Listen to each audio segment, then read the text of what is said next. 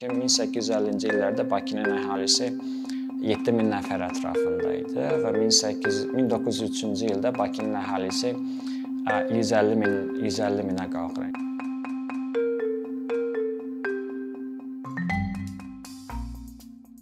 Əli və Nina kitabının əvvəlində Əli Bakı şəhərini təsvir elə təsvir eləyir. Bu təsvir zamanı deyir ki, Bakı bir tək şəhərdən ibarət deyil, amma ki, qoz qabığının bir-birinin içərisinə girmiş kimi şəhərə oxşayır.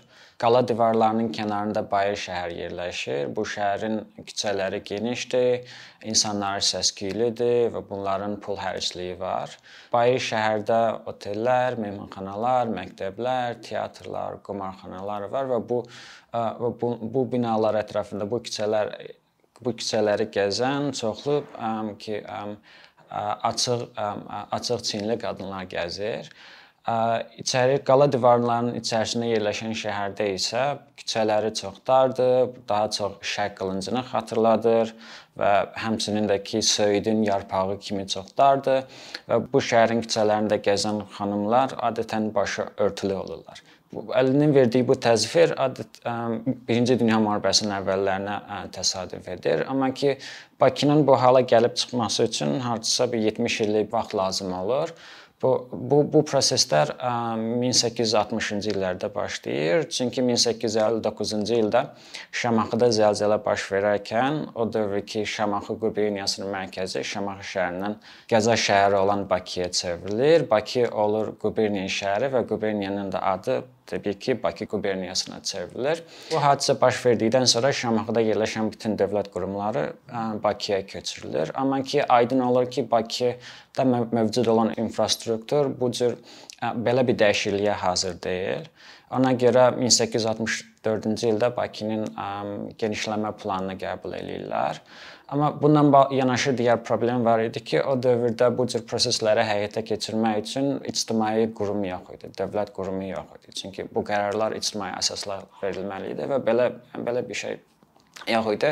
Yenə də hal-hazırda o dövrdə də, yəni ki, Bayır şəhərlə İçəri şəhər arasında ciddi fərqlər hiss olunurdu. Şəhərin ən aktiv, dinamik, ticarət ə, ə, ə, ticarətlə bağlı bütün hadisələri, prosesləri qala divarlarının kənarında baş verirdi. İçəri şəhərlə Bayır şəhər arasındakı kəskin fərq çox aydın hiss olunurdu, amma buna baxmayaraq ki, hadisələr, yəni ki, öz inkişafı üzrə davam eləyirdi və bu bu, bu inkişafın nəticəsində məsəl üçün 1860-cı illərin sonlarına doğru Bayır şəhərlə İçəri şəhər artıq bir olmağa başladı və nəticə itibarilə də 1870-ci ildə şəhər dumasının əsası qoyulur. Belə bir ictimai qurum artıq şəhərin genişlənməsi ilə bağlı vahid qərara gəlir və bu qurum həmin dövrdəki prosesləri idarə etməlidir.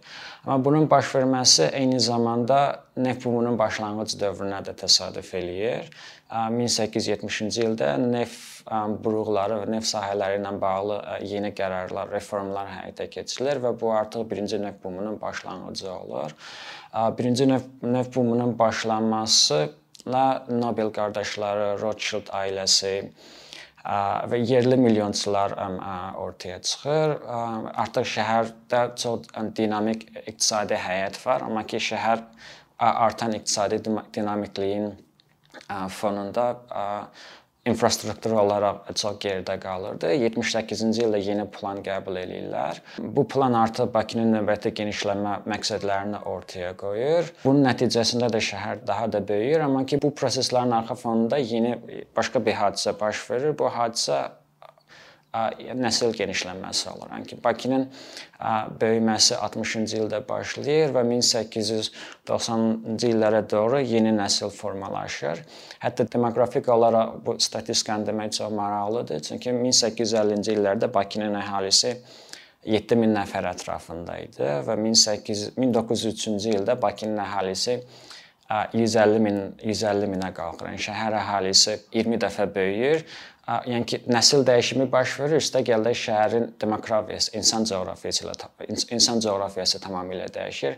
Belə ki, əgər 1850-ci ildə Bakının əhalisi tamamilə müsəlmanlardan ibarət idisə, 20-ci əsrin əvvəllərində ruslar, ermənilər, almanlar, yəhudilər müsəlmanlardan daha daha da çox çoxluq təşkil etməyə başlayırlar. Yəni ki, bu şəhərə yanaşmanın dövrdə tamamilə dəyişir və buna görə də adətən şəhər hal-hazırda bizim məsəl üçün şəhərin içəri şəhərin qala divarlarından kənarda gəzdiyimiz küçələrin binaları, infrastruktur daha çox 1890-cı illərdən sonra tikilməyə başlayır. Yəni ki, o o, o Bakıda formalaşan insan resursları şəhərin çox şərq qədim üslubda tikilən şəhəri tamamilə Avropa üslubunda həyat tərzinə uyğun şəhərə çevirir.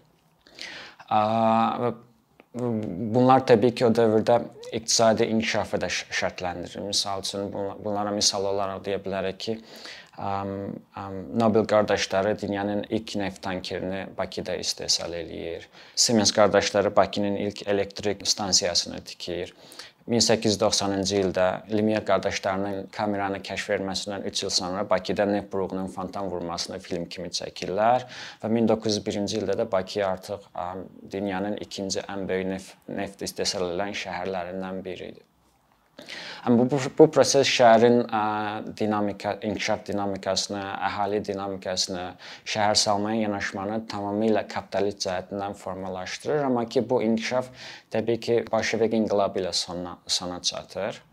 Ə, Sovet dövründə şəhərə şəhərə yanaşma tamamilə dəyişir. Kapitalist yanaşmasını sosializm yanaşması əlavə eləyir. Ona görə şəhərin genişlənməsindəki əsas məqsədlərdən biri sosializmin məqsəd və məqsədlərinə nail olmaq olur. İnsanların bu sistem altındakı ehtiyaclarını ödəməyə daha çox yönləndirilir. Bunlara misal olaraq çox ucuz və sadə şəkildə tikilmiş mikrorayonları misal göstərmək olar ki, Bakının sonrakı dövrdəki genişlənməsini təmin edir.